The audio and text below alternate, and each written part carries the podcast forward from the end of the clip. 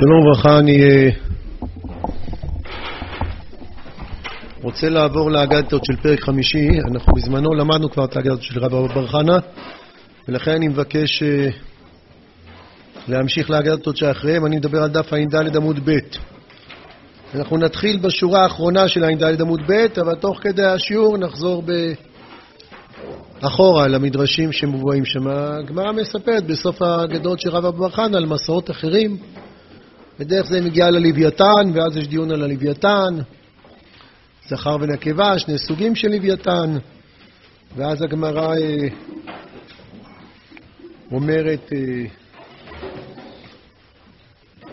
ירדן יוצא מערת פמיאס ומהלך בימה של ציפחו ובימה של טבריה, מתגלגל ויורד לים הגדול, מתגלגל ויורד שמגיע לפיו של לוויתן, ועל זה מתקיף לרב אבראולה, אי בבהמות בערי אלף כתיבי. יש... אה, שני סוגי חיות אה, מיוחדות כאלה בפסוקים, בספר איוב, וזה בתהילים. בימות בערי אלף אומר הרשב"ם, פסוק ובתהילים במזמור לאסף. כי לי כל חייתו יער בהמות בהררי אלף. על שם שרואה אלף ערים בכל יום. יש מדרשים שמביאים איזו חיה מסתורית כזאת, ענקית, שהיא רובצת על אלף הרים. והיא רואה אלף ערים בכל יום. וזו חיה מאוד מאוד גדולה. יש חיה מאוד גדולה בים שנקראת לוויתן, אדירה כזאת, ראיתם את התיאורים במדרשים? חסרת אה, גבולות. ויש במקביל אה, איזה מין יצור בהמי כזה, בהמות. שהפסוק הזה, הפסוק אה, מדבר, ככה אומרת, ככה, ככה מתקיף רבא ברולה, אני בדרך, בערך שבע שורות מלמטה. ע"ד עמוד ב'. הפסוק הזה, יפתח כי יגיח ירדן אל פיהו, מדבר בעמוד בערי אלף. אלא אמר רב אבר אולה, מתי בעמוד בערי אלף בטוחות, בזמן שמגיח ירדן מפיו של לוויתן. ואני מדלג לשורה האחרונה, כי את הרב דימי אמר רבי יונתן, עתיד גבריאל. גבריאל זה מלאך, מלאך של דין, גבורה. עתיד גבריאל לעשות קניגיה עם לוויתן. שנאמר תמשוך לוויתן בחכה ובחבל תשקיע לשונו, ואלמלא הקדוש ברוך הוא עוזרו, גבריאל, כניגיה אומר הרשב"ם, צידת חיות בקשת ורומח. כל מיני צידה קרוי כן. אה, הרשב"ם מביא איזה מקורות. קניגי זה מצוד כזה, היה... אה, לאצולה באירופה היה מין שעשוע כזה, מרושע, ש... של לצוד, לצוד בעלי חיים. עשו את זה גם לצורך ועשו את זה גם ל... סוג של שעשוע. אז הקדוש ברוך הוא יעשה ל... אה, הקדוש ברוך הוא ישלח את גבריאל לעשות קניגיה. זה המרדף אחרי. מרדף של ציד אחרי הלוויתן, והלוויתן כמעט יפגע בגבריאל. ככה, אם אלמלא הקדוש ברוך הוא עוזרו, אין יכול לו. גבריאל המלאך, גבריאל לא יצליח. שנאמר, העושו ייגש חרבו. ואז הגמרא ממשיכה לדבר על לוויתן, אני רוצה לדבר בעיקר על המדרש של רב דימי אמר רבי יונתן, שהוא בטח יושפע גם ממה שכתוב לפני זה וגם מה שכתוב אחר כך. אז יהיה איזה קרב בין אה, גבריאל ללוויתן באחרית הימים, עתיד הגבריאל. אה, זה מזכיר לנו, המהר"ל פה בחודשי אגדות, אה, אה, צילמו לכם את הדף, נכון? אני מקווה שצילמו גם לי. שאחד הדפים פה הוא, הנה. אז יש לנו פסקה מאורות הקודש, אני חושב שזה... אחיה, איפה זה באורות הקודש? איפה אחיה? ואיפה זה באורות הקודש? עמוד שי"ז. וזה קריאת הרב דימי זה חידושי אגדות אצלנו במהר"ל. והמדרש למטה, המנוקד, זה ויקרא רבה י"ג ג', והפסקה השמאלית זה בנהדר בקודש, מאמרי הראייה. אה, המהר"ל אה, מביא פה מדרש אחר, שקשור למה יקרה לעתיד לבוא עם הלוויתן. בקיצור, פה גבריאל אה, יצלו את הלוויתן. אחר כך אה, אולי כן נסתכל, אחר כך אה, בשורה החמישית ברחבות, בעיני עמוד א', אמר רבא אמר רבי יוחנן, עתיד הקדוש ברוך הוא לעשות סעודה לצדיקים מבשרו של לוויתן. אז גם יאכלו אותו, יצודו אותו, יאכלו אותו, ובשביל לאכול אותו צריך להרוג אותו. המדרש בויקרא רבא מיד מתייחס, משום שהמהר"ל בחידושי אגדות מביא את המדרש הזה, אז בואו נקרא, אמר רבי יהודה ברבי שמעון, כל בהמות ולוויתן הן כניגין של צדיקים לעתיד לבוא. כניגין זה כמו קניגיה, שגבריאל, כתוב אצלנו בגמרא. אה, יהיה איזה מצוד, והכי טעים יהיה איזה מצוד של צדיקים, הם יתפסו את הבהמות ולוויתן ויאכלו אותם. וכל מי שלא ראה כניגין של אומות העולם הזה, זוכה לראות אותם בעולם הבא. יהיה אירוע דרמטי. אבל לא כולם יוכלו להשתתף, רק מי שלא היה הולך לאירועים כאלה בעולם הזה, מי שלא היה יוצא לבלות במסעות ציד. מה הם עושים? מה, איך אה, תהיה הקניגיה? כיצד הם נשחטים? שואל המדרש. בהמות נוטץ ללוויתן בקרניו וקוראו. בהמות במדרשים אחרים קוראים לו שור הבר. שור הבר זה. גם באגדות רב אבר בר חנה ראינו אותו. זה בריאה אדירה, הם נלחמים אחד בשני. הענק שבים והענק שביבשה נלחמים. מדרש סודי כזה. אז בהמות הוא נוטץ ללוויתן בקרניו וקוראו, עם הקרניים. לוויתן נוטץ לבהמות בסנפירה ונוחרו. ככה הם מחסלים. יש איזה קרב ענקים, אדיר כזה, שיקרה לעתיד לבוא. הם ישמידו אחד את השני, ינסו להשמיד אחד את השני. ורק צדיקים, רק צדיקים אה, יראו את זה. רק מי שלא אה, זנו עיניו בכניגין של אומות העולם. זאת אומרת, מי שלא יתעסק בהבלים של... אה, של תרבויות, תרבויות אכזריות. תרבות של ציד זה, בוודאי שזה לפחות צער בעלי חיים. מה, נכון? מה צעדו שם? שועלים? לא זוכר. זה, זה סתם להתעלה, סתם להראות שאתה מסוגל. אין. מותר לנו לאכול בעלי חיים, מותר להשתמש באורות, אבל בגלל שיש איזה צורך בשביל ליהנות מלצוד זה. אז תרבויות כאלה שנהנות, מבזבזות את הזמן. זמנים מיותרים על התאכזרות, על להוכיח שאתה גיבור יותר מ... מישהו שהוא, שהוא סתם. אז הגמרא שלנו היא ביסוד הפסקה של הרב במלחמת הקודש והטבע. הגמרא שלנו, כשהרב כולל בתוכה, משלב גם את המדרש של אמר רבי יהודה. אומר הרב ככה, בעזרת השם, שנזכה לומר דברי אמת. רז לתנועות העכשוויות. בתנועות העכשוויות יש רז, יש סוד. הרב מסתכל על העולם, עברו הרבה שנים מאז, ועכשיו הרב היה אומר שהרז רק יותר גדול. אבל ההיסטוריה עוברת, אנחנו נמצאים בממדים כאלה, ממדי זמן, שהעולם עובר סערות וטלטלות ושינויים דרמטיים. במעט מאוד שנים אנחנו עוברים דברים ש, שמאות שנים האנושות לא, לא הייתה מתקדמת או, או מתחלפת ב, ב, באופנים כאלה. אנחנו אה, עוברים שינויים בכל רמות החיים, זה מתחיל מרמות הידע והטכנולוגיה, שיש להם אה, השלכות כבדות, אבל הן אה, קודם כל חיצוניות, ואחרי זה תרבות, דתות. חופש, לא מדבר על הגאולה, לא מדבר על ארץ ישראל. אה, שינויים כלכליים, שינויים פוליטיים, תרבותיים, מכל המינים, ובעיקר ההתמודדות הגדולה של עם ישראל, שעוד לא אה, עברנו אותה לגמרי, שחלקים גדולים, לצערנו, גם חלקים קטנים זה הגדולים, אה, עדיין לא מספיק קשורים לתורה. גם אנחנו עוד לא מספיק קשורים לתורה, בוודאי שרוצים יותר. אבל התמונה הפשוטה הזאת של ש, שאדם באופן טבעי היה דתי, בסדר? המילה טבעי פה תהיה מאוד דומיננטית. באופן טבעי אדם היה דתי.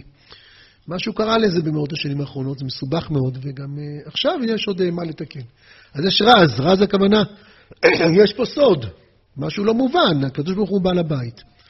הקדוש ברוך הוא מנהיג את עולמו, וככל שהגאולה מתקדמת, אנחנו רואים, uh, ציפינו אולי, ש, שזה יהיה ביטוי של גם התקדמויות uh, רוחניות, ולאט לאט כל עם ישראל... Uh, יתקדם ויצמח, ופתאום יש בלבולים ודברים שנראים כמו נסיגות, וקשיים זה מההתחלה, אז מה הרז של זה? מה טמון? מה מתחבא שם?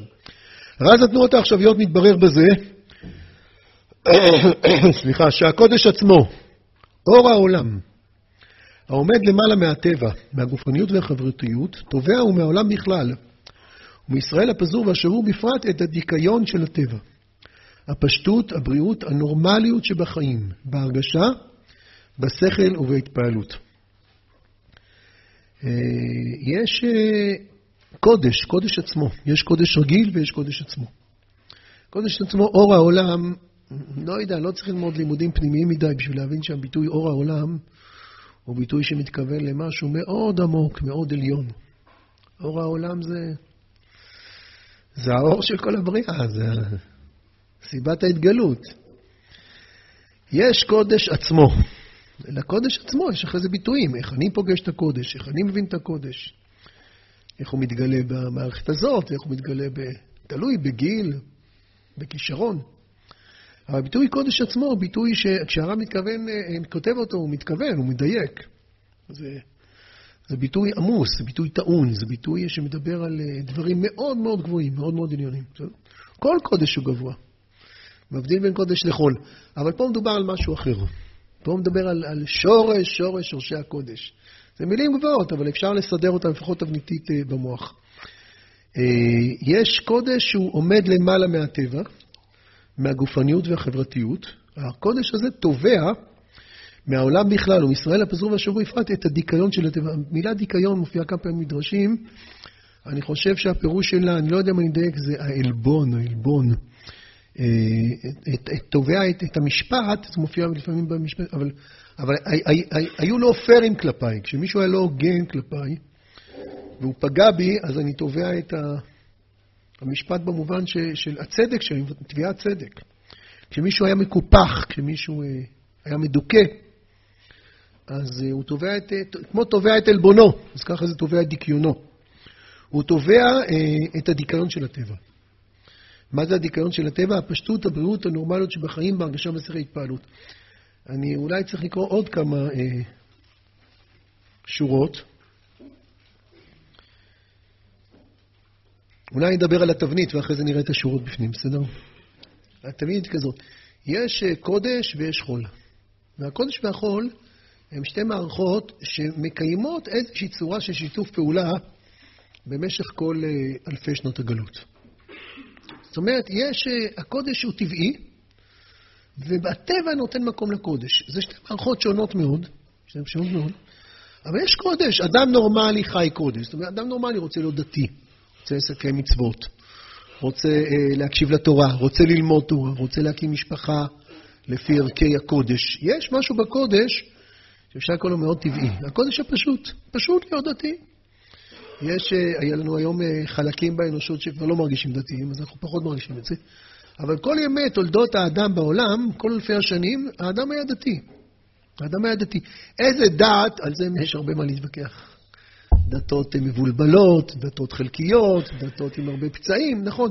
אבל למה היה דתי? באיזשהו מובן האדם רצה להיפגש עם הקודש. הייתה בו איזו שקיקה, הוא לא רק רצה, הוא חי לפי הקודש. הקודש היווה אה, חלק מרכזי מאוד בהתנהלות של האדם, במערכות יחסים שלו, הוא, הוא תבע ממנו תביעות ונתן גם בחזרה. יש משהו מאוד טבעי בלהתפלל, משהו מאוד טבעי בלחגוג חגים, משהו מאוד טבעי בלהקשיב ולהיפתח לאיזה צו עליון, להאמין בהתגלות. יש משהו בקודש ובטבע שהם לא חברים בכלל, הם לא חברים בכלל, אבל מייצרים איזה שיתוף פעולה. מייצרים איזה שיתוף פעולה. סוג של סימביוזה, נכון? כמו ה... שמור לי את כל אחד בגבולות שלו. בסוף יש, זה שני כוחות אחרים לגמרי, הקודש והטבע. הטבע זה הבריאות, הבריאות הכוחות שהם, שמתגלים בטבע. ו, ו, והצלחנו, אה, כל דור, לפי עניינו, ליצור איזה איזון. אה, כל אחד שומר על שלו. כל אחד שומר על שלו. הטבע עושה את שלו. יש תקופות שיותר דגש לפה, ויש תקופות שיותר דגש לשם. אבל בין הטבע והקודש, נקרא לזה, אה, אה, אנחנו צריכים את שניהם, צריכים טבע. אנשים צריכים ללכת לעבוד, אנשים צריכים לאכול, אנשים צריכים לישון, אנשים צריכים לראש בגדים. יש, אה, ברמה הכי בסיסית, וגם מעבר לרמה הכי בסיסית, יש טבע ונותנים לו מקום, ו- ומנהלים איזה משהו, שוב, לא בטוח שהם חברים, אולי הם לא חברים, אולי הרבה אנשים רצו יותר קודש מאשר טבע, יותר טוב מאשר קודש, אבל במשך ההיסטוריה הארוכה שאנחנו מכירים, התנהלה מערכת יחסים אה, לא חברית לפעמים, אבל כמו שני אנשים שבסופו של דבר הבינו שהם חיים ביחד, והבינו שיש אה, מה לעשות, להסתדר, כמו שותפים, אה, כל, הקוד... כל הדוגמאות שאני מעלה, אני לוקח אותן אחורה. כי אני לא רוצה שהם יהיו כאלה, אני לא רוצה שום מערכת יחסים שתהיה כזאת.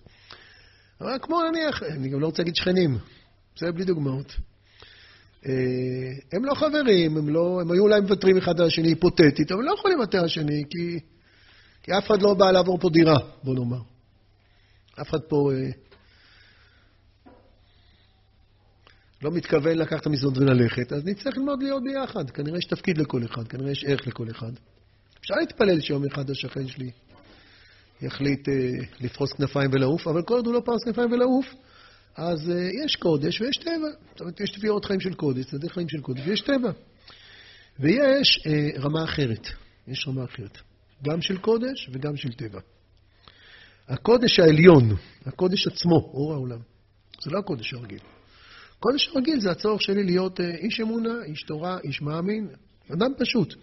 יש פה רמת חיים אה, הרבה יותר עליונה, של הקודש עצמו, שזה... זה כל החלומות הגדולים שלנו, מה זה? מה שאני אגיד זה לא זה. כל הבטחת הנביאים, כל אשר השם דיבר טוב על עמו ישראל ביד עבדיו הנביאים. כל הנבואות, שבעת ישפוך את רוחי על כל בשר, ולא ינדונו אותי שתראו ליראה אותי, כולם ידעו אותי מקטנה ועד גדולם. וגר זאב עם כבש ונמיר גדיר בת, ומלא הארץ את השם כמים מכסים, והקמתי בניכם לוויים ובחורכם לנזירים. כל ה... כל ה... והיה באחרית הימים נכוני הר בית השם, בית המקדש השלישי, בראשי הערים, ונישא מגבעות. כל החזונות של הנביאים, ש... שהם לוקחים את הקודש למקומות אחרים, אחרים, אחרים. כל הגעגועים שלנו. לאמוראים ולתנאים ולנביאים ולאנשי התנ"ך ולאבות. זה אנשים שמשקפים קודש, אה, אה, לפחות לשם, בסדר? בואו נקרא את זה שם. איזה קודש שהוא ברמה אחרת, אחרת, אחרת לגמרי. אנחנו אה, מסתכלים על הגאון מווילנה בתור איזה אור כזה גדול שבתוך... אה, זה כאילו בית המדרש המובל בהרבה הרבה בחינות לאורו של הגאון מווילנה, איזה דמות מופת, דמות על כזאת ש... ש, שיונקים מאורה ומתנהלים, יש לגאון מווילנה גם השפעה עמוקה על בית המדרש שלנו, ברוך השם, אנחנו שמחים בזה, אבל כשאתם רואים את ההקדמות לספרים של הגאון מווילנה, הקדמות שכתבו הבנים שלו, רב חיים, תלמידים שלו, אז הם מתחילים בדיוק הפוך. הגאון מווילנה זה לא החזון. הם מתחילים שהחזון זה כשעם ישראל יושב על אדמתו, כשיש בית מקדש. שם יש אה, מלכה ושערה בבית, ויש תורה. אבל אחרי שגלינו מארצנו והסתלקנו מעל אמתנו, והתורה הולכת ודועכת ודועכת, בתוך החושך הזה הקדוש ברוך הוא שלח ניצוץ, שגם בתוך החושך אנחנו יכולים uh, להחזיק עמדה. איך הגר"א כותב בסוף, uh, בהערות ככה, הרב ציון אבי בשמו של ספר דצניותא, שככל שהגלות מתקדמת, אז ככה התורה הולכת ופוחתת, והגוף, הגבייה הלאומית, הולכת ונפגע. והגר"א אומר שבזמנו הרקב פוגע כבר אפילו בעצמות. העיקרון פוגע. אז בתוך הימים הקשים האלה, זאת אומרת, התלמידים של הגאון בהקדמות, הבנים של הגאון בהקדמות, הם לא מציגים את הגאון כמחילה. ברוך אתה, אדוני, העולם של ים זהו.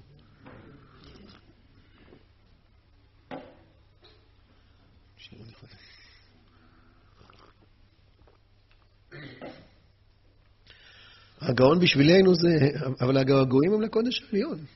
הגעגועים הם ל... לחז"ל, נו, מה, מה נגיד? לחזור לתנ"ך. חזרנו לחברון, זה...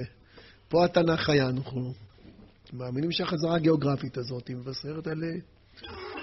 בסגולה, בנשמה, על משהו הרבה יותר עמוק. אז צומח פה קודש אחר ש... שהולך להופיע. והקודש הזה, הקודש הזה תובע הוא, תובע את הדיכאון של הטבע. זה תובע זה, זה כמו תובע בבית משפט. תובע זה, זה אני דורש בכל תוקף את שלי. הקודש לא עושה את זה במילים. הקודש, איפה הקודש מתעורר? הקודש מתעורר בנשמות, במעמקי התת-מודע. קורה לנו משהו. מה הרז של משהו? מה קורה לנו? זה לך תשאול את החוקרים. תסתכל מה קורה ותדע מה קורה. אבל מה הרז של מה שקורה? מה טמון בפנים? מאיפה זה בא? מאיפה זה בא? שצומחת קומה אחרת, חדשה לגמרי. זה כבר הרבה מאוד שנים, עברו מאה שנים מאז שהרב כתב את הפסקה הזאת כנראה. אולי יותר, זה קובץ ב', אבל מאה ועשר שנים, אבל, אה, אה, אבל זה, זה קורה, יש לזה את הזמן וזה קורה, זה קורה וזה יותר חזק וזה יותר חזק ויותר חזק, ובתוך ליבנו פנימה יש איזה מפגש עם הקודש עצמו. זה בלי מילים, זה קורה בלי מילים. אחרי זה הרב מנסה להסביר, זה שמבין את המילים, זה לא אומר שאתה רואה את זה בתוכך. זה שרואה את זה בתוכך, זה לא אומר שזה מתחבר לך למילה, וזה מה שקורה. ואז נוצרת מערכת יחסים אחרת, מפתיעה, משונה.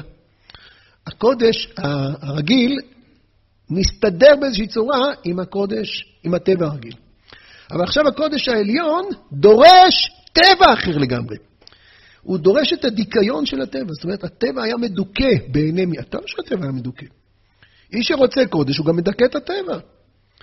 איש שרוצה קודש, אז יש לו שמירת העיניים, ושמירת הלשון, ועוד שמירות.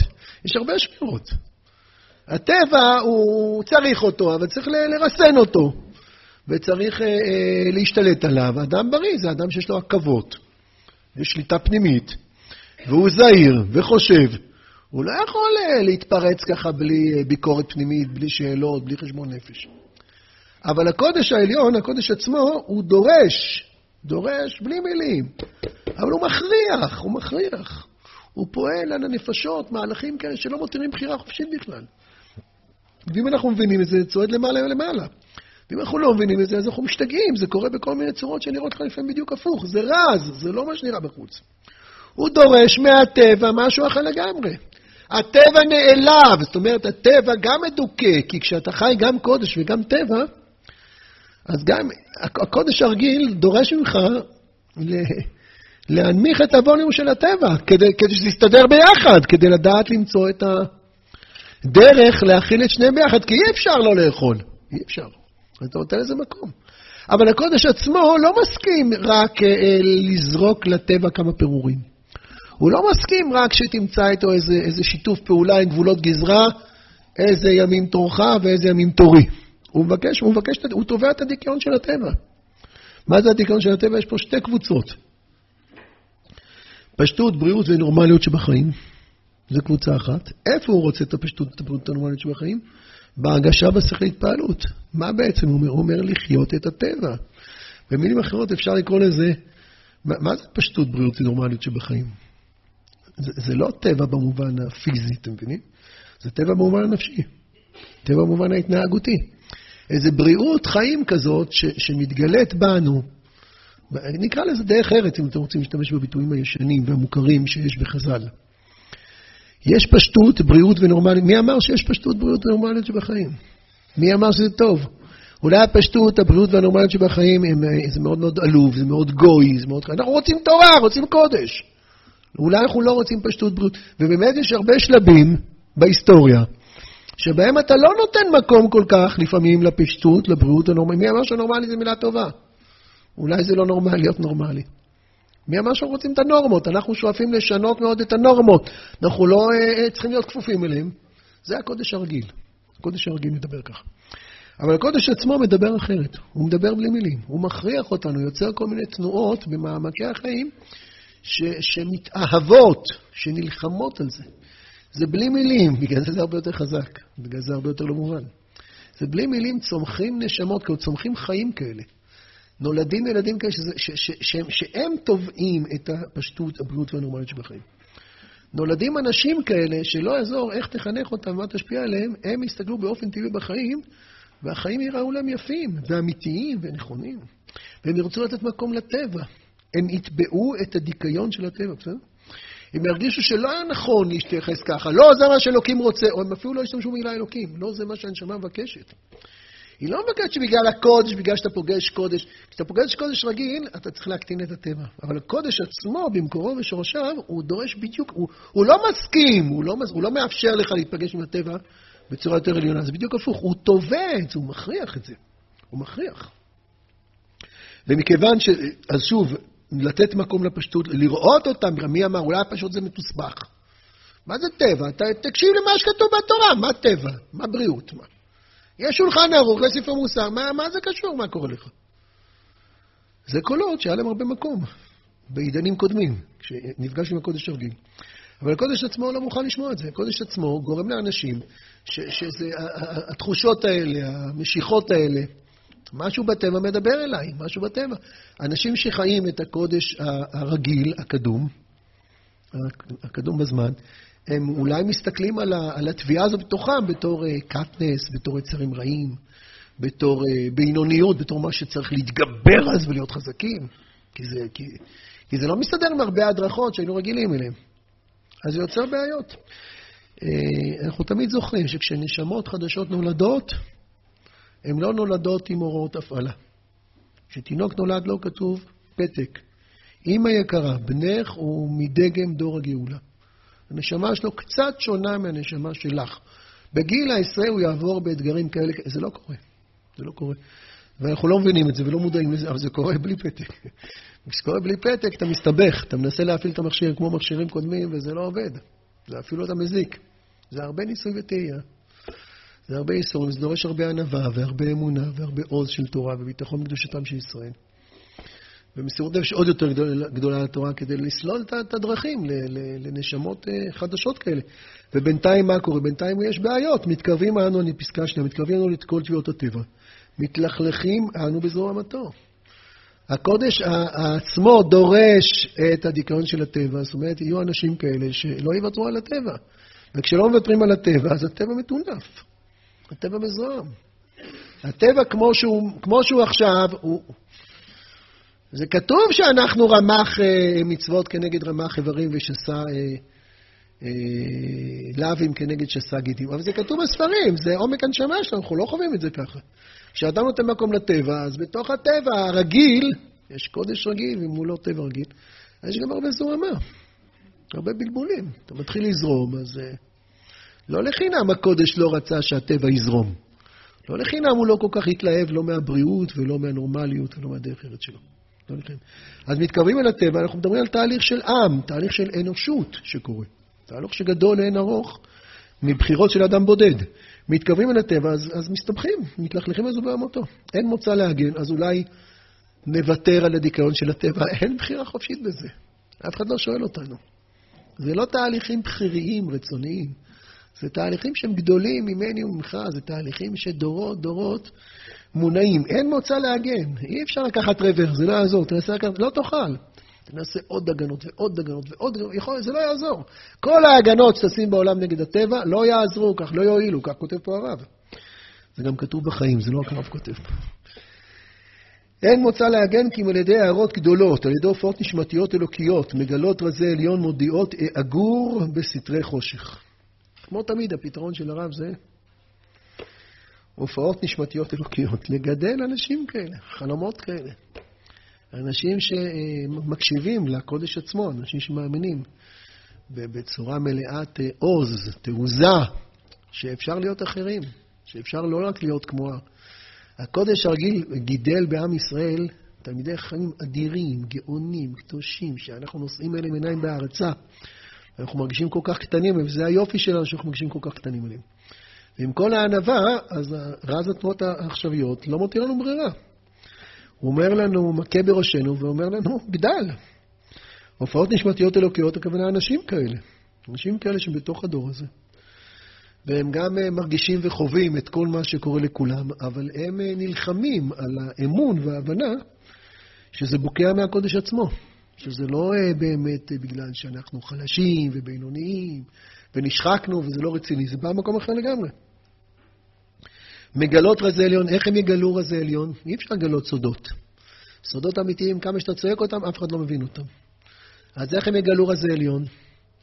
הם יגלו רזי עליון כי הם יהיו כאלה. כי הם יהיו כאלה, הם יחיו את זה. הם יחיו רזי עליון. לא צריך להגיד, זה שום דבר להגיד, זה אפילו מזיק. אנשים שחיים בגודל הזה. ואנשים שיחיו בגודל הזה בעזרת השם, מודיעות, איך הם יודיעו? זה כמו השמיים מספרים כבוד אלו מעשי אדם מגיד דרכיה. שמיים לא מספרים בטקסט, נכון? מי שמסתכל בשמיים, אז הוא שומע את הסיפור הזה. מי שמסתכל במעשי אדם, אז מי שמסתכל ברקיע, אז הרקיע מגיד לו, מגיד לו את, את מעשי אדם של השם. אז, אז ככה הנשמות האלה, הם יודיעו את אגור בסתרי חוש. מה זה אגור? אגור זה שמור, כמו אוגר, כמו לאגור. יש אה, סתרי חושך. חושך, זה חושך, זה, זה להתלכלך בזוהמה של הטבע. כל מיני תופעות. אתה לא מבין מה קרה לעם ישראל, העם הזה שהיה כל כך אה, אה, במקום קדוש במשך אלפי שנים, מגיע לפה לארץ, ופתאום אתה סיבוכים כאלה, ש, ש, איך זה יכול להיות? איך זה יכול להיות שבדיוק כשהגענו לארץ הקודש, פתאום כאלה סיבוכים? זה בדיוק הפוך, זה בגלל שהגענו לארץ הקודש. זה בגלל שהגענו לעידן הזה. אז בתוך סתרי חושך, אגור רז עליון. הרב מסביר, בקירוב אל הטבע יש שנאה לקודש הרגיל. תראו מה קורה. הקודש העליון מעצים את התביעה של הטבע. ברגע שהטבע מתעצם, מה קורה? אנחנו מתקרבים אל הטבע. ברגע שמתקרבים אל הטבע, נתפתחת שנאה. הקודש הרגיל לא שונא, הטבע הרגיל לא שונא את הקודש הרגיל. כל ימי עולם זה הסתדר. יש טבע, היו כאלה שמשכו לפה, היו כאלה שמשכו לשם, הסתדרו. אבל קורה פה תהליך שמבחוץ הוא נראה בדיוק הפוך. הקודש העצמי, הקודש העליון, תובע את הדיכאון של הטבע. בפועל מה קורה? אנשים מתקרבים אל הטבע. זה קוראים להם נזק. לא כשקוראים נזק, זה גורם נזק כפול. כי הם מתלכלכים בטבע, כי הם לא מבינים למה נמשכים לטבע. הם לא מבינים. אז מתלכלכים בזוהמתו. זה כל עוד לא צומחות נשמות אה, שמגלות רזניון, כן? אז הנזק הראשון זה שמזדהמים בזוהמה של הטבע. הנזק השני, שהטבע הזה, הטבע החדש, הטבע שאנחנו מסתכלים עליו בצורה אחרת, הוא כבר לא מוכן לחיות בשלום עם הקודש הרגיל. הקודש הרגיל, אנחנו ממשיכים לחיות את הקודש הרגיל, זה בנשמה, זה הכל בסתר, מה שקורה. בפועל התהליכים הם כאילו רק בנזק, הם כאילו רק גורעים יותר, בסדר? כי אתה מצד אחד מתקרב לטבע ואתה מזדהה, מצד שני ההתקרבות אל הטבע גורמת לשנאת הקודש הרגיל. בקירוב אל הטבע יש שנאת הקודש הרגיל הצורר את הטבע, המשדד את מערכתו. משום שהקודש הרגיל המורגל מאז, מאז תמיד, להתהלך עם הטבע בקרי. זאת אומרת, בקרי זה במקריות, זה לא מערכה, זה לא לכתחילה. בסדר, תיכנע קצת, תוותר קצת, תהיה ריאלי, תהיה מעשי, אי אפשר בלי. צריך קצת פרנוסה, תשתדל בזמן הפרנוס אה, לחזור על סוגיות. זה, זה, ברור שאם אתה יכול, זה מה שכדאי. אבל, אבל אה, תפיסה כזאת שכל החומר זה עול, ואין מה לעשות, וזה מה יש, וצריך לעשות את זה, בסדר. צריך לעשות את זה. אבל צריך תורמים לישיבות, מה לעשות? צריך תורמים לישיבות. חייבים תורמים לישיבות. בסדר, אז נעשה כבוד לתורמים לישיבות. אבל אף בחור רציני לא נשלח למסלול כזה שמכוחו יוכל להביא כסף לישיבות. מי שרציני יתעסק רק בקודש, ברור? מין עמדה כזאת. הקודש הרגיל מתהלך בקרי עם הטבע. אבל הטבע, ש, ש, הטבע הכוונה אנשים שעכשיו יותר קרובים אל הטבע. אנשים שיש בהם תביעה לדיכיון של הטבע. זוכרים מה הכוונה? איזה מין ציפייה פנימית שהטבע הוא הרבה יותר רציני. זה לא נכון עכשיו למעוך את הטבע. זה לא נכון להיות צוררים שלו. צורר זה מלשון שני החיות, זה צורר היהודים והמן אבל לא זה מה שהכוונה פה. הכוונה זה אישה את אחותה לא תיקח לצרור, לגלות אהובתה עליה בחיה. שתי אחיות ביחד, שתי נשים צוררות, הכוונה שהן מעיקות, במקום שהבעל יהיה רק שלי, הוא פתאום צריך להתחלק, זה צרה צרורה, ברור. אז אה, בקירוב אל הטבע, בתהליכים האלה שקוראים קירוב אל הטבע, יש uh, שנאת הקודש רגיל, מתחיל, מתחילה להתפתח עוינות כלפי הקודש שהסתדרנו איתו מאוד אלפי שנים. למה? כי הקודש הזה צורר את הטבע. הקודש הזה הסכים לתת מקום לטבע, והטבע, פירושו דבר האנשים, כן? אנחנו מדברים לא על הישויות המשוטות, האנשים. משדד את מערכתו. משדד הכוונה אה, מפריע, פוגע. הקודש הרגיל המורכז, המורגל מאז להתהלך עם הטבע בקרי, אוגרו את שארית כוחו להילחם הטבע. אז מה עושים אנשי הקודש הרגיל? מה עושים אנשי קודש שהם נאמנים, והם לא יודעים שקרה פה משהו? הם לא יודעים את רז התנועות העכשוויות. הם אנשים תמימים וצדיקים ויראי שמיים, ומאמינים בתורה ומצוות, ופתאום רואים, משתגע פה משהו. העולם משתגע. פתאום כל מיני דברים שמי העלה על דעתו, פתאום זה קורה, איפה זה קורה? פתאום יש משיכה לטבע, איפה יש משיכה לטבע? בלב שלהם. זה לא רק בחוץ. זה שזה בחוץ זה דבר אחד, אבל זה קורה, גם הם שייכים לאורות העליונים. האנשים האלה שהם אה, מתדבקים בכל עוז בתורה הישנה שמכירים, בתורה הישנה והאהובה והמתוקה, שהיא חיינו ואורך ימינו, הם אנשים שבעומק עומק ליבם הם פתאום מרגישים ש... נכון, כותבים הרבה הדרכות כאלה, יש אה, בסיגופים, גם כאלה ש... הדרך שלהם הייתה סיגוף, ירדה חולשה לעולם, אתם ראיתם בכל מיני ספרים כאלה? ירדה, שובבים, היה לנו ימי שובים, פעם בשובבים. צמו, ציבור רגיל, צמו, שני וחמישי. שובבים, השנה של המוברת, שובבים, צמו, אנשים יודעים, ירדה חולשה לעולם, לא צמים. ירדה חולשה לעולם זה לא שיש לך פחות כוח. יכול להיות שהיום אנשים הרבה יותר מלאים וחסונים ובכושר טוב ובריאות. זה חולשה, הכוונה להתייחס אל, אל הטבע בצורה צוררת, להתייחס אל הטבע בצורה... פעם, זה, אז תהיה רעב, מה קרה אם אתה רעב? לא תאכל, מה קרה? אז קשה לך קצת, מה קרה? אבל יש פה משהו שמפריע להתייחס ככה אל הגוף, זה משהו אמיתי, זה משהו אמיתי. ולכן הוא חוגר, אוגר, אוגר או חוגר את שארית כוחותיו, פסקה אחרת הרב כותב, משתמש באישה, חוגר את שארית כוחותיו, להילחם בטבע. נהיה אה, אנטי. כל הזמן הקודש קיבל את הטבע. זאת אומרת, תופעה הזאת, למשל, בואו ניקח דוגמה, שבמשך כל הדורות עם ישראל למד ועבד. לא היה גם אופציה אחרת. יחידי יחידים יכלו ללמוד בלי לעבוד, אבל אה, כי, כי לעבוד, אף אחד לא חושב שזה מפריע. בסדר, זה פחות זמן. אבל הולכים לעבוד. הממשלה הפולנית לא נתנה מלגות ולא תקצובים ולא מעונות. ואף אחד לא חשב בכיוון. כל יהודי מסר את נפשו על תורה. היה עובד, בסוף יום עבודה בא הביתה, התרחץ והלך ללמוד תורה כמה שעות, ברור שכן. אבל, אה, אבל דווקא התופעות האלה, הן פתאום יוצרות הקצנה, יש פחד, ופתאום יכולים להיות תופעות כאלה, למשל, שזה זה, זה לא תקין ללכת לעבוד, זה לא רציני. אם אתה קודש, אתה חייב ללמוד כל היום. זה לא היה בדורות קודמים, נכון. כי הקודש נאלץ לחגור את כוחותיו. הקודש הרגיל, שהוא, שהוא התהלך בטבע בקרי, ופתאום הטבע לא מוכן ללכת בקרי. קרי זה מהצד כזה, לא, לא, לא קבוע. אז זה גורם, לא, זה גורם לתהליכים, אתם מבינים, שמבחוץ נראים הפוך על הפוך. בעצם בסתרי הלבבות, בסתרי הנשמות, נוצרת קרבה אדירה. מי, מי מעצים את הטבע? הקודש מעצים את הטבע. הקודש תובע את עקרונו של הטבע. אבל זה ברז, ברז. מה בנגלה? בנגלה זה נראה בדיוק הפוך. בנגלה יש נפילות, והטבע שונא את הקודש, והקודש שונא את הטבע, ויש התפרדויות כאלה וחילוקים, ואו זה או זה, וכולם צועקים על כולם. אבל יש בעיה לקודש כשהוא לוחם בטבע, למה? כשהוא לוחם עם הטבע שלו. זה, זה, זה לא באמת, זה, זה, זה, זה שורש נשמתו. הוא לוחם עם הטבע שלו. מה זה עם הטבע שלו? אני חושב שהרב מתכוון, ש... אמרתי, ש, שבעולם הפשוט, בעולם ה... שהיינו רגילים אליו, זה טבעי, קודש הוא דבר טבעי. קודש הוא דבר טבעי. יש באדם משהו טבעי, טבעי להתפלל, טבעי לתת צדקה, טבעי להיות טוב, טבעי להאמין, טבעי לרסן את עצמך, טבעי לא להיות חסר עכבות, טבעי להיות איש יושב, זה משהו טבעי. וכשהקודש לוחם נגד הטבע, אז הוא כורת את הענף שהוא יושב עליו, נכון? כי אנשי הקודש הם אנשי קודש כי יש בהם איזו טבעיות שגורמת להם את אנשי טבע.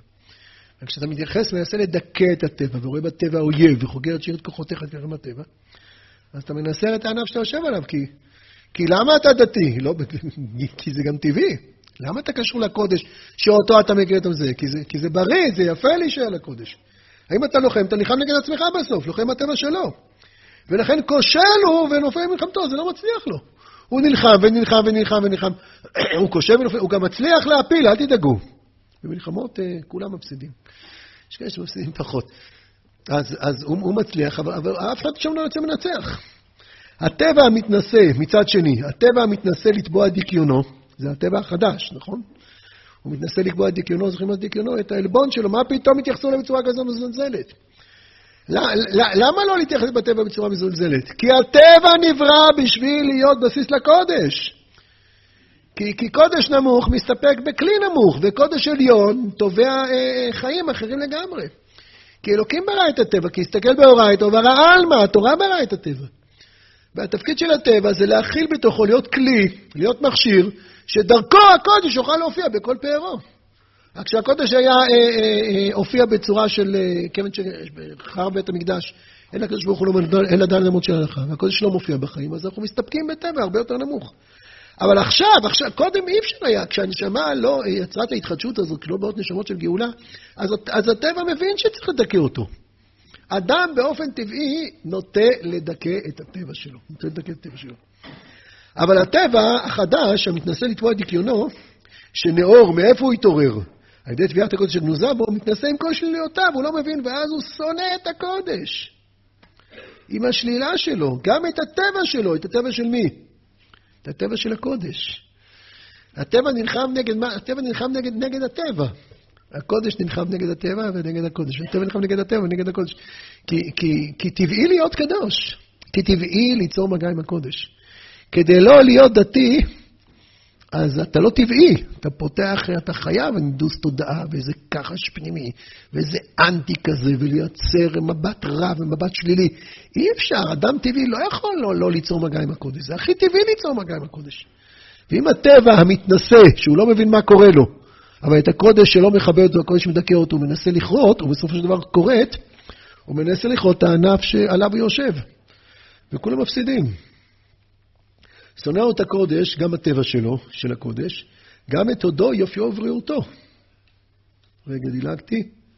לא. פה נופל הטבע, נחשב מלחמתו. אז כולם נכשלים מבחינתם. ועכשיו אנחנו מגיעים לגמרא שלנו. לוויתן ושור הבר. שניהם נופלים במלחמתם ונעשה מבשרם סעודה יפה לצדיקים. זה עכשיו הוא מקריא את המדרש, המדרש יושב על הגמרא שלנו, תראו איך הרב מחבר. מי שלא נשקע בהבלים, לא זנו עיניו אחרי כנגיעות של אומות העולם, משחיתות את תפארת הנשמה. המשחיתות את עוד אצילותה וטהרת מידותיה. אז מי שלא אה, זנו עיניו, הרי הוא זוכה ומזכה לראות כנגיון מלבב זה. עומד ממעל, ש... ממעל שניהם. הוא זה שיראה את הקרב הנוראי הזה, מלחמת שור הבר והלוויתן. גבריאל בכוח עליון, גבריאל זה הגמרא שלנו, זה לא כתוב מדרש גבריאל. זה המימרה של אה, רב דמיה מרבי יונתן. גבריאל בכוח אל עליון מעורר את המלחמה. עתיד גבריאל לעשות כנגיה מלוויתן. זאת הוא יצא מרדף, אבל מתברר שלא גבריאל, גבריאל יעורר את המלחמה, הרב מחבר את המדרש את הגמרא, כמו שכל התורה כולה מחוברת. אה, תהליכים שגבריאל, מלאך, אחראי עליהם, מה זה גבריאל? לא יודע מה זה גבריאל, כתוב במהר"ל. גבריאל זה גבורה, זה מידת הדין, זה... עוצמות החיים בכל גודלם מכריחות את הלוויתן להילחם עם הבהמות. יש שני כוחות, אנרגיות אדירים, אנרגיות אדירות ש, שאנחנו מבטאים אותן דרך לוויתן ודרך בהמות. בואו רגע נדבר על המשל הזה לפני שנפתח את המדרש. תראו, מה זה לוויתן? לוויתן זה באמת חיה מיוחדת מאוד. נכון, הגודל שלה הוא כמה? 20 מטר? משהו כזה. זה הרבה. כמה זה 20 מטר? זה מי הקצה הזה? יותר, נכון? לוויתן כחול ענק זה, זה שוקל כמו אה, עדר פילים. זה, זה חיה בלי שום פרופורציה, הגודל שלה, הלוויתן שאנחנו מכירים, כן? מה שקוראים לוויתן, זה חיה שהגודל שלה הוא בלי שום פרופורציה, שום משהו אחר עלי אדמות. שום דבר לא מתחיל להתקרב לה. לא למחצה, לא לשליש ולא לרביע. אורך אדיר ומשקל אדיר. אה, אה, אבל, אבל אנחנו, אנחנו יכולים לראות אה, צלמי טבע, נכון? שהקדישו את חייהם, או לא לקרוא לזה קדושה, או שכל מיני טכנולוגיות ופיתוחים, ויצללו וצילמו את הלוויתן. אנחנו בסוף, לא ראיתי לוויתן, לא ליטפתי אף פעם אחד כזה. לא ניסיתי למדוד את מערכת היחסים ביני לבינו, אבל אני מחפש יודע מה זה לוויתן. אבל תחשבו על אדם שחי בזמן חז"ל, אדם שחי בזמן התנ"ך. הוא לא ראה לוויתן בחיים. הוא לא צלל אי פעם במעמקי הים, וגם הוא היה צלל, הוא היה בהלם. נכון, הזנב של לוויתן זה כמו אוטובוס. אז אדם רגיל לא ראה לוויתן אף פעם. מי ראה לוויתן? איך ראו? אף פעם לא ראו, אף פעם... מי, היו יורדי הים באוניות, עושים לך מים רבים. אנשים נועזים, מיוחדים כאלה, בים התיכון אין לוויתנים, נכון? אה, צריך לצאת מהים התיכון כנראה. צריך לצאת לחופים אה, של אה, מעבר לים האדום או לאוקיינוס. הם הפליגו בים, ולפעמים הם ראו, מה לפעמים? לפעמים הם ראו איזה זנב אדיר מטורף כזה יוצא מתוך המים. אתה רואה זנב כמו, עוד, אתה מבין שלוויתן מתיז מים, כשהוא נושם, הוא משחרר רמצון, אז פתאום רואים איזה ראש מגיח, ו... זה מציאות מאוד עלומה, זו מציאות שבטבע, בחוויה, ככה אלוקים ברא את זה. בחוויה הרגילה של החיים, אתה מבין שבתוך הים יש משהו כביר, אדיר, שאין לו שום דבר דומה משלו. חי, משהו חי. גם הר זה גדול, אבל הר זה טבע דומם. אז זה לא מעניין. אתה מבין שיש איזו עוצמת חיים כזאת, כבירה, כבירה, כבירה, שאנחנו, גם, לי, גם לי לוויתן זה משל, לא הייתי רוצה לעשות איתו כאן הגיון, ממש לא. אבל, אבל אצלי זה בסוף מוגבל, 20 מטר, 30 מטר, כמה שזה, נגמר וזהו. תעשה שלושה אוטובוסים וזהו. ארבעה, לא יודע כמה, אבל זה, זה נגמר בסוף. אבל בחוויה של האדם, בכל ימי ההיסטוריה, לוויתן, זה משל, זה לא לוויתן ושור בר, כמובן זה משל. משל למה? אנחנו מנסים להבין משל למה זה. זה משל למודעות שלנו, אנחנו רואים את הים, אנחנו יודעים שיש בים דגים, ואנחנו מבינים שכל עוצמות החיים שאנחנו נפגשים איתם, זה פיצלה של פיצלה כזה, נכון? יש באגדות רב אבא בר חנא איזה דג הגדול כזה ששלושה ימים שתים לאורכו, והוא איזה חטיפים כאלה של הלוויתן, הוא לא בכיוון בכלל. זאת אומרת, זה המשל, ומה אני משל לפני שנגיע ללוויתן? שאדם מודע לזה, אדם רגיל מודע לזה, שהוא חי את החיים שלו, הוא מתעסק בחור וחור, ומתעניין מכל מיני דברים, ועסוק בכל מיני דברים. אדם רגיל מודע לזה שבמעמקיו חבויים דברים הרבה יותר גדולים, הרבה יותר גדולים. שיש תת-מודע, ויש אה, זיכרון לאומי, ויש רגעים גדולים כאלה שפתאום איזה זנב מגיח מהים, ואני מתכוון אצלי בחיים, בסדר? פתאום אני אומר איזה משהו מאוד גדול, או חווה איזה מסירות נפש, או, או מגלה כוחות אדירים, פתאום דוד הורג את גוליית. יש נביאים, אדם רגיל מבין, אנחנו לא רואים אותם, אבל יש בחיים, גם בים, זה שני סוגים אחרים לגמרי, גם ביבשה. אדם רגיל מודע, מודע, גם אדם רגיל שחי את החיים הפשוטים הוא יודע שיש. היה, איש, היה משה רבינו, היה משה רבינו, היה אברהם אבינו. זאת אומרת, אני בן אדם, אבל בן אדם זה במעמקים, בסתר. זה אולי אין לי סיכוי לראות את זה, אבל אני מבין שבעולם הזה, בעולם הזה חיים, זה לא רק דבר ששוקל 50 קילו. חיים זה יכול להיות משהו אדיר, אדיר, אדיר, בלי שום קשר לשום דבר אחר. זה בסתר, זה במעמקים. יש שני סוגים כאלה, שני כוחות חיים אדירים שונים מאוד. אחד זה דג במעמקי הים, והשני זה שור הבר או בהמות בערי אלף. זה. אני לא יודע מאיפה הגיעו, הדי... אני לא מכיר, יכול להיות שיש בהמות כזה שעוד לא גילו אותו, הלוויינים עוד לא מצאו אותו, אני מניח שהם מזהים אותו, זה משל. זאת אומרת, ברור שאתה מסתכל על כוחות החומריים, אז אתה מסתכל ואתה אומר שכל מה שאתה מזיז בעולם, אנחנו מסוגלים. אני, אני באופן אישי לא, אבל בני אדם, אפילו גויים, יש גויים כאלה, אני יודע מה, אלכסנדר מוקדון, יש גויים כאלה ש... לא רוצה להגיד שמות פה כאן בבית מדרש, בסדר? אבל יש אנשים שהגיעו לגאונות בשכל, במלחמות, באומנות, במדע, ברפואה. בן אדם, התחושה הרגילה של האדם שהוא חי בקטן, בשוליים, שהוא מביא לידי ביטוי איזה משהו כזה, קצה קרחון, הנה, ביטוי כזה, קצה קרחון. הם לא ידעו שזה, אנחנו יודעים שבכל קצה קרחון יש בתוכו אינסוף מתחת למים, כן? אתה רואה את זה, אתה רואה את הקצה, אבל אתה... אדם כועס, אדם נעלב, אדם פגוע. והרבה פעמים אתה מבין ש... שזה לא מה שהכעיס אותך, וזה לא מה שפגע בך, או שזה קשור לעולמות, לחסכים, לתסבוכים, ל... למה האדם בחר להתחתן עם האישה הזאת? זה אפילו פסיכולוגיה, נכון? זה למה, למה דווקא החיוך שלה? שני אנשים נכנסו לחדר, ואחד ראה את זאת, ואחד ראה את ההיא. דייטים, שידור אני מתכוון, כן. למה אתה בחרת אותה? הוא נפגש עם מישהי ואומר, איזה צדיקה, איזה מדהימה, עיבול לחבר שלי. למה, למה לא לך? זה, זה, והוא יגיד, וואו, זה בשבילי, למה? כי, כי זה קשור לעומקים כאלה, לעומקים, למה באתי שווה חברון, ולמה אני נמשך לפה, ולמה זה מדבר אליי. לכל אדם ברור שזה איזה קצה של קצה של, של עולמות על גבי עולמות, ואנחנו קוראים לזה בהמות בערי אלף. אנחנו קוראים לזה, תשמע, יש בו בעולם הזה כוחות אחרים, אנחנו לא כל כך נוגעים בזה, אנחנו חיים אה, בשוליים, בצל, צלצל. עושים מהאור של לוויתן צל קטן, צלצל הגמרא קוראת לזה פה בעין ה' עמוד א'. יש פה שני כוחות, והם מסתדרים ביניהם, למה הם מסתדרים ביניהם? כי, כי אתה לא רואה אותם. אתה לא רואה את הלוויתן, הוא רק מציץ פעם בכמה זמן, והבעמות הזה רק שמעו עליו סיפורים כאלה. אז כל עוד הם נסתרים כאלה, אז מסתדרים. אבל יבואו ימים, ככה הגמרא מספרת לנו, רב דימי בשם רבי יונתן, שזה הולך לצאת החוצה. שהלוויתן הולך... אה, איפה הם ינהלו את הקרב הזה? על החוף כנראה, במשל, כן?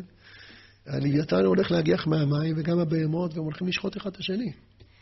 הם הולכים לנהל פה איזה קרב, שאת מהותו ניפגש כנראה בפעם הבאה, כל טוב. רגע, רגע, רגע, עוד לא סיימנו. הדבר הכי חשוב,